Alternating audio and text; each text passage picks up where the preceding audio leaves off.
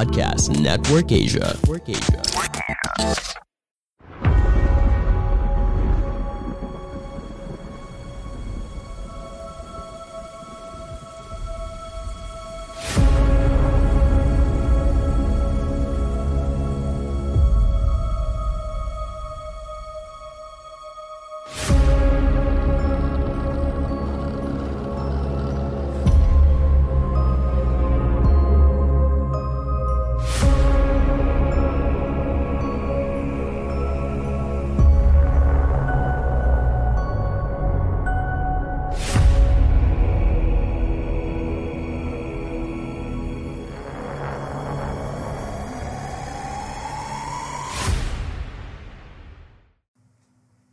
Halo semuanya, nama aku Iksan. Balik lagi dengan aku di sini di podcast dengerin horor. Malam ini gue bakal bacain cerita horor dari akun Twitter @restu_pa 718300152 yang berjudul Rumah Warisan. Halo, selamat malam semua. Hari ini Wira mau ceritain tentang sebuah kisah mengenai rumah warisan milik seorang konglomerat di masanya. Sebut saja Haji Yasir. Untuk daerah dan lain-lain, Wira samarkan untuk menjaga privasi. Rumah ini memiliki bangunan yang besar, letaknya di tengah kota dan menjadi sorotan terhadap orang-orang yang sering melewati rumah ini. Kabarnya, rumah ini dulunya dihuni oleh keluarga dari Haji Yasir. Namun, karena pemilik rumah ini terlilit hutang, akhirnya rumah ini diberikan perjanjian oleh bank sampai akhirnya disita. Namun, sebelum disita, pihak bank memberikan tangguhan satu bulan terhadap keluarga untuk membayar hutang-hutang tersebut. Kisah ini bermula di saat salah satu keluarga dari Haji Yasir mengajak teman-temannya untuk menginap di rumah ini selama satu bulan. Dia adalah Ali. Ali adalah salah satu anggota keluarga Haji Yasir. Dia mengajak teman-teman kuliahnya untuk menginap di rumah tersebut untuk mengisi liburannya. Ali sebelumnya belum tahu secara mendalam mengenai asal-usul tempat ini. Namun, ada salah satu ruangan yang besarnya setara dengan dua kamar besar. Ruangan itu diperuntukkan untuk pertemuan-pertemuan. Karena tempat itu tidak boleh dimasuki, sampai-sampai di depan pintu ruangan tersebut diberi tulisan Jangan masuk, tempat ini berbahaya. Belum pasti apa alasannya, namun beberapa orang meyakini bahwa di ruangan itu sering berlalu lalang seorang wanita bernama Asmara. Dikuatkan lagi dengan fakta yang mengatakan ada seorang pedagang nasi goreng yang mendapati seorang wanita sedang duduk di ruangan itu. Karena berada di lantai dua, Ruangan itu bisa dilihat oleh warga sekitar, terkhusus pedagang nasi goreng yang sering stay di depan rumah itu. Suatu ketika, pedagang nasi goreng itu terkejut manakala seorang wanita memesan nasi goreng sambil memain-mainkan kakinya. Mang, pesan nasgor jangan pakai kecap ya, ucap wanita itu. Awalnya, pedagang nasi goreng itu tidak percaya bahwa itu adalah manusia. Namun, karena pelanggan lagi sepi, dia pun membuatkan nasi goreng pesanan wanita itu. Setelah usai, dia pun mengantarkan nasi goreng itu namun dia bingung. Harus masuk ke mana? Karena bingung, si wanita itu menyuruh pedagang nasi goreng itu untuk meletakkannya di bawah saja. Lalu wanita itu menaburkan uang yang jumlahnya ratusan ribu dari atas. Pedagang nasi goreng itu pun keheranan Mana bisa dia mengambil nasi goreng pesanannya di bawah? Setelah pedagang itu mengambil uang yang bertaburan di bawah, ia pun meninggalkan tempat itu. Baru dia melangkahkan kaki untuk meninggalkan bangunan itu, tiba-tiba wanita itu turun layaknya bidadari yang turun dari kayangan. Wanita itu turun sambil memakikan tawa yang mengerikan dan dia adalah Asmara sosok yang disebut-sebut sebagai penunggu dari rumah warisan. Wanita itu mengambil nasi goreng dan kembali lagi ke atas dengan santai. Ketika pedagang nasi goreng itu mengecek uang yang diberikan wanita itu, Ternyata uangnya adalah berupa kertas kosong yang telah digunting mirip seperti uang. Sontak saja, cerita ini menjadi buah bibir masyarakat sekitar tentang kebenaran sosok yang bernama Asmara. Awal tahun 2019 silam, Ali bersama teman-temannya mencoba untuk survei ke tempat kediaman kakeknya yang bernama Haji Yasir. Tempatnya nggak villa di tengah kota, estimasi jarak menuju perkotaan juga hanya berkisar 10 menit. Tak ayal, tempat yang megah ini menjadi sorotan bagi seluruh masyarakat yang ada di sekitarnya. Ini rumah kakek gua. Kebetulan rumahnya mau disita.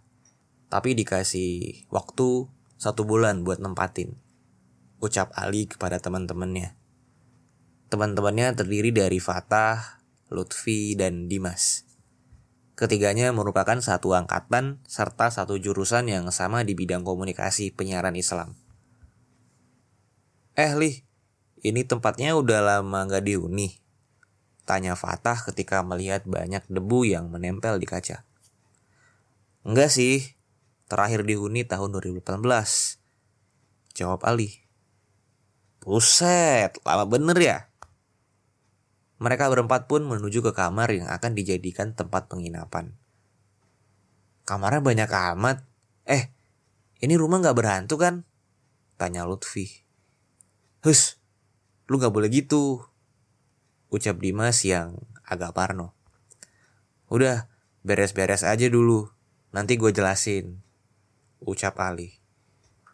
Mereka berempat membereskan kamar, ruang tamu, serta kamar mandi. Semua dibereskan layaknya rumah baru yang akan ditempatinya nanti. Dimas dan Lutfi mengelilingi seluruh ruangan rumah hingga sampailah mereka berdua ke satu ruangan yang sudah tertempel kertas satu tahun lamanya. Jangan dibuka, ruangan ini berbahaya, ucap Dimas ketika membaca tulisan tersebut. Lutfi langsung memegang gagang pintu. Pintu seperti layaknya tertahan sebuah benda dari dalam ruangan. Kayaknya di depan pintu ini ada benda besar. Jelas Lutfi. Eh, lu mau ngapain? Tanya Dimas. Gue penasaran sama ruangan ini. Jawab Lutfi. Ya elah, lu gak baca apa? Ini larangan. Jelas Dimas. Lutfi pun menempelkan telinganya ke arah pintu. Ia merasa seperti ada suara yang menangis, suara orang menangis dengan suara yang sangat lirih. Lu dengar suara orang nangis gak? Tanya Lutfi. Hah? Masa? Coba deketin kuping lu. Ucap Lutfi. Dimas pun mengikuti apa yang diperintahkan oleh Lutfi. Keduanya menempelkan telinga ke pintu secara bersamaan. Suara tangisan lirih pun terdengar jelas. Lah, siapa yang nangis?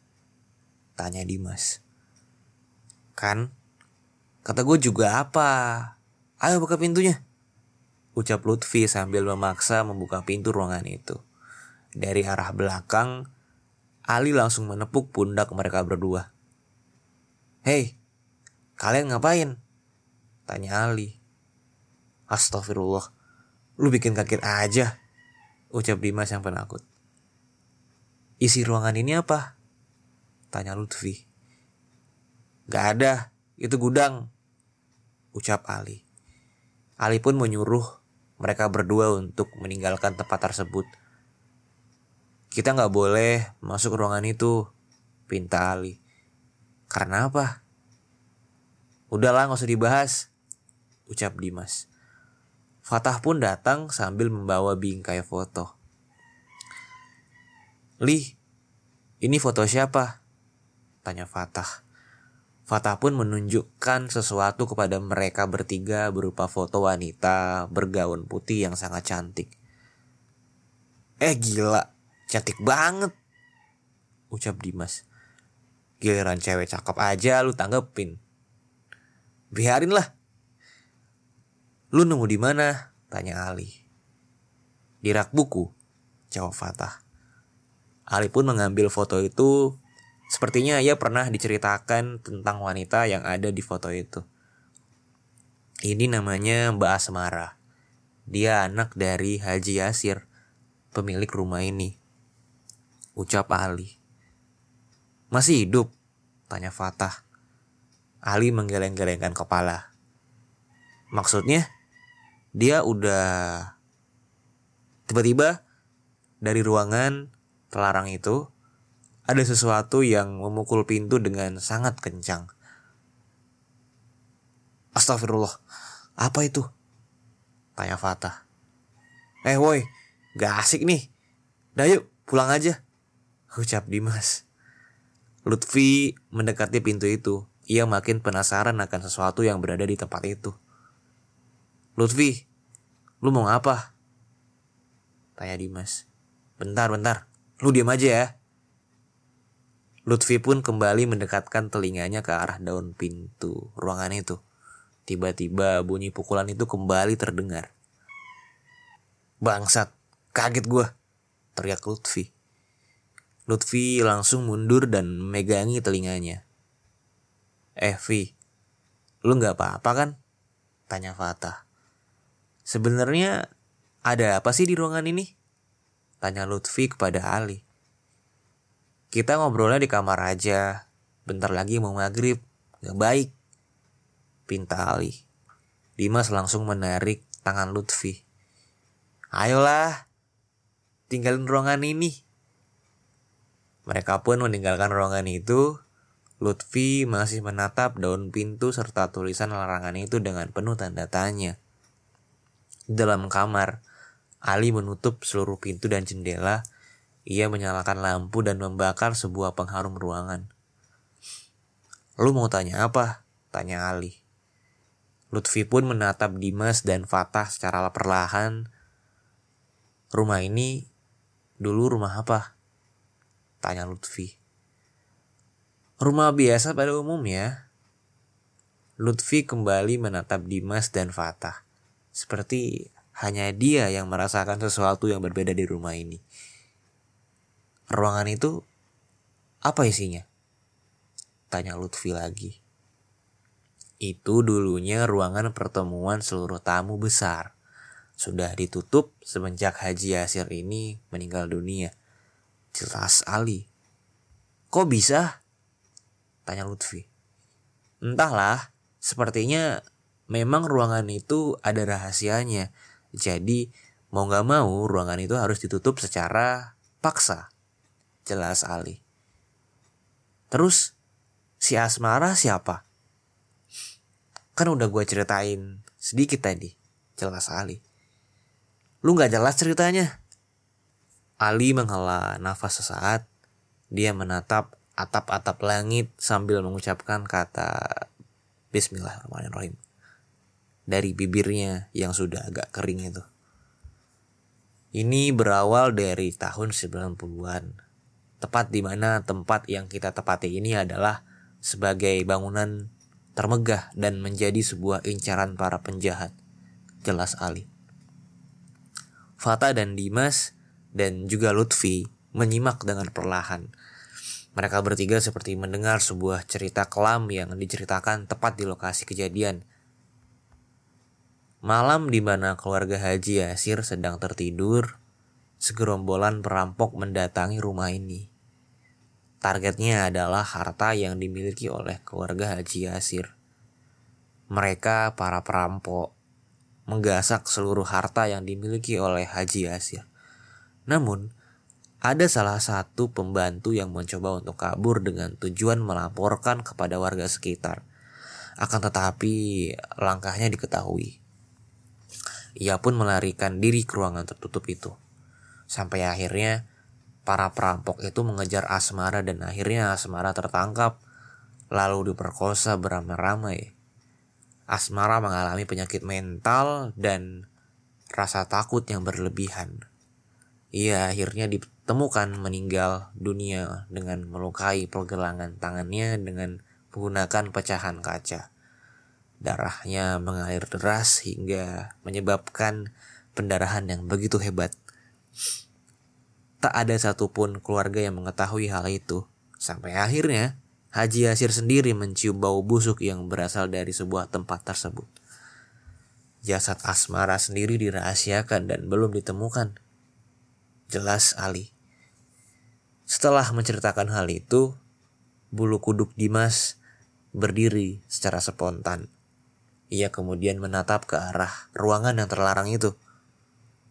Tatapan matanya membayangkan akan sebuah bayangan seorang wanita sedang berdiri menatap balik ke arahnya. Astagfirullah. Gak, gak. Gue mau balik. Teriak Dimas sambil menutup mata. Fatah dan Lutfi melihat ke arah yang sama. Lu kenapa, mas? Tanya Fatah. Dimas membuka matanya lalu perlahan melihat ke arah ruangan itu. Gue mau balik, ucap Dimas. Eh, jangan gitu. Kita udah diizinin buat nginep di rumah ini. Masa kita balik lagi sih? Pinta Fatah. Tapi gue takut, ucap Dimas. Ali membuka sebuah lemari yang mana di dalamnya berisi tentang album kenangan keluarga Haji, Yasir. Sebenarnya Asmara itu cantik. Ini fotonya ucap Ali sambil menyerahkan foto itu ke Dimas. Dimas langsung terpesona melihat kecantikan Asmara. Lutfi kemudian bertanya kepada Ali. Apa mungkin Asmara masih gentayangan? Tanya Ali. Tanya Lutfi maksudnya. Mereka bertiga terkejut manakala Lutfi mengatakan hal itu. Maksudnya? Tanya Ali. Seseorang yang meninggal karena depresi lalu bunuh diri, maka jiwanya tidak tenang. Selama jiwanya terperangkap di dalam sebuah bangunan, maka dia masih berada di sekitaran sini. Jelas Lutfi. Dimas segera melemparkan foto itu. Ia terbayang-bayang akan perkataan Lutfi mengenai asmara yang masih bergentayangan. Gue juga mikirnya gitu. Jelas Fatah. Tapi anehnya, jasad Asmara ini seperti menghilang begitu saja. Apa jangan-jangan tanya Ali. Jasad Asmara disembunyikan? Tanya Dimas. Lebih tepatnya jasad itu disimpan di suatu tempat yang mengarah kepada tempat di mana ia pertama kali ditemukan dalam keadaan meninggal dunia. Jelas Lutfi sambil menganalisa. Ali berpikir keras ia kembali mengingat perkataan kakeknya, yaitu Haji Yasir, akan sebuah ruangan yang memiliki bau busuk. Ruangan itu kemungkinan merupakan tempat disembunyikannya jasad asmara. Gimana? Mau dikerjain hari ini? Tanya Ali. Nantilah, kita baru sampai. Lagian kita nggak ada akses buat masuk ruangan itu. Jelas Lutfi. Eh, Maksud kalian apa? Kalian mau cari jasad Asmara? Tanya Dimas. Fatah memasang wajah seram ke arah Dimas dengan tujuan menakut-nakuti Dimas yang penakut. Gue mau datengin Asmara ke kamar ini. Jelas Fatah. Malam pertama mereka menempati tempat rumah warisan tampak baik-baik saja. Di hari kedua, mereka masih mencari-cari ruangan yang dimaksud oleh Haji Yasir kepada Ali. Total ruangan itu di rumah itu ada 10 kamar, satu ruangan pertemuan dan satu ruangan tamu yang cukup besar. Sisanya adalah kamar mandi dan gudang. Cukup besar. Nanti malam ada Pak Sobri. Dia katanya mau nemenin kita buat masuk ke ruangan itu. Tapi kalian bener-bener berani Tanya Ali. Gua sih santai, tapi gimana Dimasnya aja? Ucap Fatah sambil mengejek. Awas lu. Awas aja kalau iya didatangin sama tuh setan. Lu jangan minta tolong gua ya. Ucap Dimas. Fatah dan Ali tertawa kencang mendengar sifat Dimas yang kekanak-kanakan. Namun tidak bagi Lutfi. Ia masih menatap sekeliling rumah. Ornamen bangunan ini agak mirip Belanda. Namun, ada beberapa sentuhan arsitek Turki. Apa bangunan ini dibangun karena menginginkan umur yang panjang untuk bangunan itu sendiri? Jelas Lutfi. Ali terkejut mendengar penjelasan Lutfi. Dia tahu banyak mengenai dunia arsitektur. Lu kok tahu? Tanya Ali. Lutfi pun menuju sebuah tembok yang sudah sedikit berlumut. Dia kemudian memperkirakan lama bangunan ini tidak direnovasi dan perbaikan. Sebenarnya ada beberapa poin penting di rumah ini yang pasti gue simpulkan dalam beberapa hal, yaitu satu, bangunan ini dibangun bukan untuk sebuah tempat tinggal aja, melainkan sebuah tempat pertemuan besar para konglomerat. Dua, tempat ini sangat estetik. Tidak heran, orang yang melewati rumah ini menjadi tertarik untuk melihat lebih jauh bahan-bahan yang terpasang di rumah ini. Tiga, jika diperhatikan, umur bangunan ini bukan 20 tahun, namun lebih dari itu. Ini setara dengan setengah abad. Dua ornamen ini merupakan buktinya. Jadi, jika ditarik kepada masa lalu asmara, gue bisa tarik satu kesimpulan. Jawab Lutfi yang menjelaskan dengan tertata. Ali, Fatah, dan Dimas hanya melongo ketika Lutfi menjelaskan secara detail.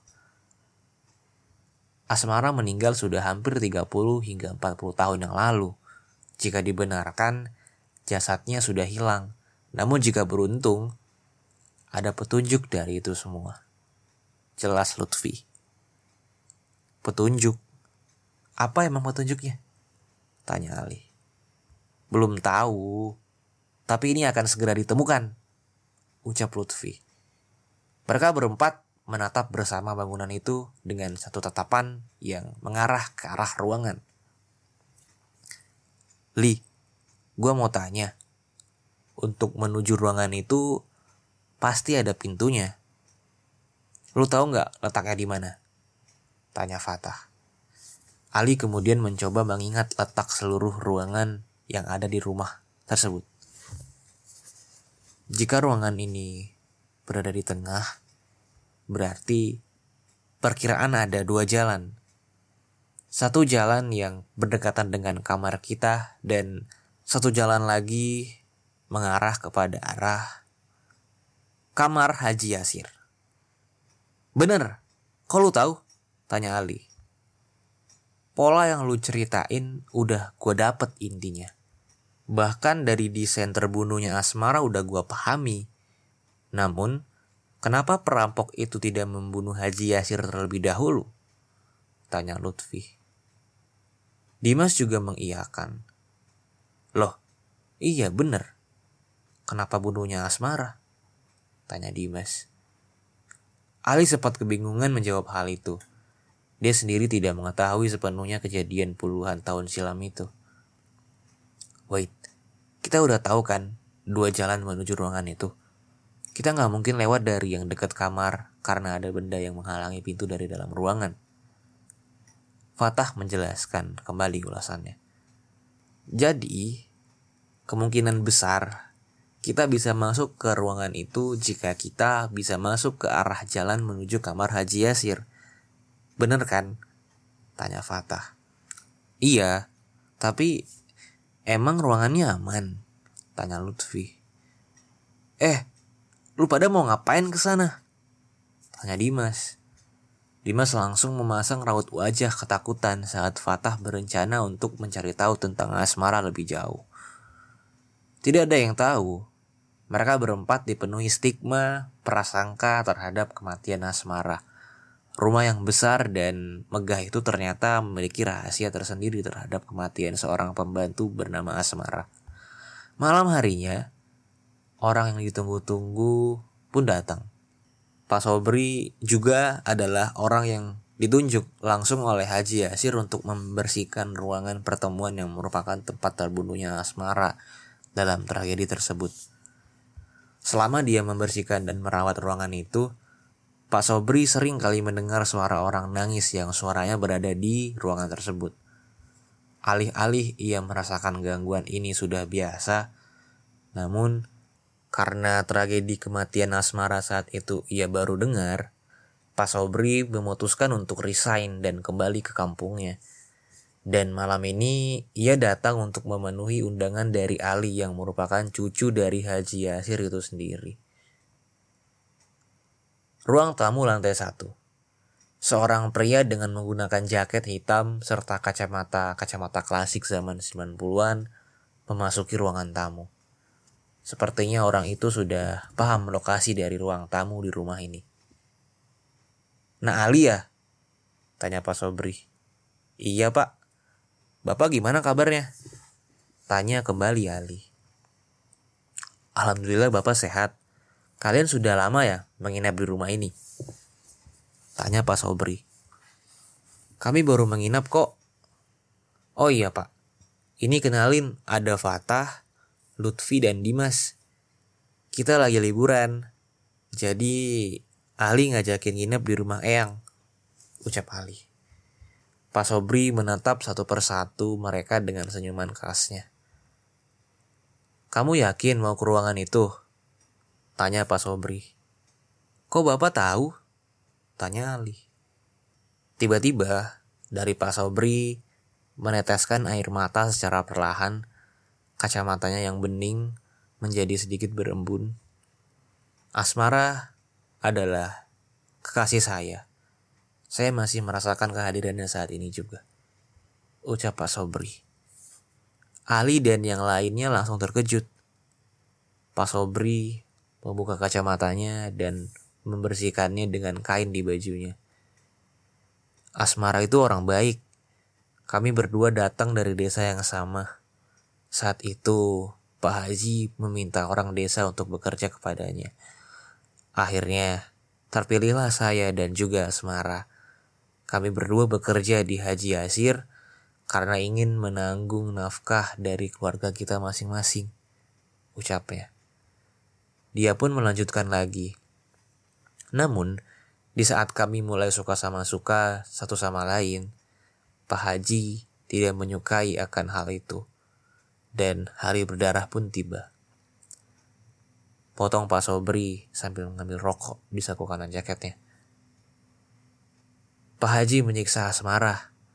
Dia terus-terusan meminta Asmara untuk tidak mencintai saya. Kebetulan saat itu Pak Haji meminta saya untuk pulang ke desa Alasannya karena saya harus pulang untuk menengok orang tua. Ucap Pak Sobri. Pak Sobri mulai membakar rokok kretek dengan aroma wangi yang khas. Jadi karena permintaan itu Bapak langsung pulang ke rumah. Tapi bukannya itu alasan yang aneh? Tanya Lutfi. Iya benar alasan yang aneh. Tapi apa yang bisa saya lakukan selain mengikuti arahan dari atasan? Tanya Pak Sobri. Ali hanya menunduk malu. Dia merasa bersalah akan tragedi masa lalu yang sangat kelam itu. Saat di mana saya kembali lagi ke rumah ini, saya belum tahu mengenai keberadaan asmara saat itu. Namun, ruang pertemuan sudah bau anyir darah. Ucap Pak Sobri. Pak Sobri menatap Ali dengan senyuman dengan menatap Ali, Pak Sobri seperti mengingat kakeknya, Haji Yasir. Kakekmu itu mirip seperti kamu wajahnya nak. Tapi kamu beda darinya. Kamu berhati baik, sedangkan dia bukanlah manusia yang saya harapkan. Pandangan dan opini yang disampaikan oleh kreator podcast, host, dan tamu tidak mencerminkan kebijakan resmi dan bagian dari podcast Network Asia. Setiap konten yang disampaikan mereka di dalam podcast adalah opini mereka sendiri dan tidak bermaksud untuk merugikan agama, grup etnik, perkumpulan, organisasi, perusahaan, perorangan, atau siapa pun dan apa pun.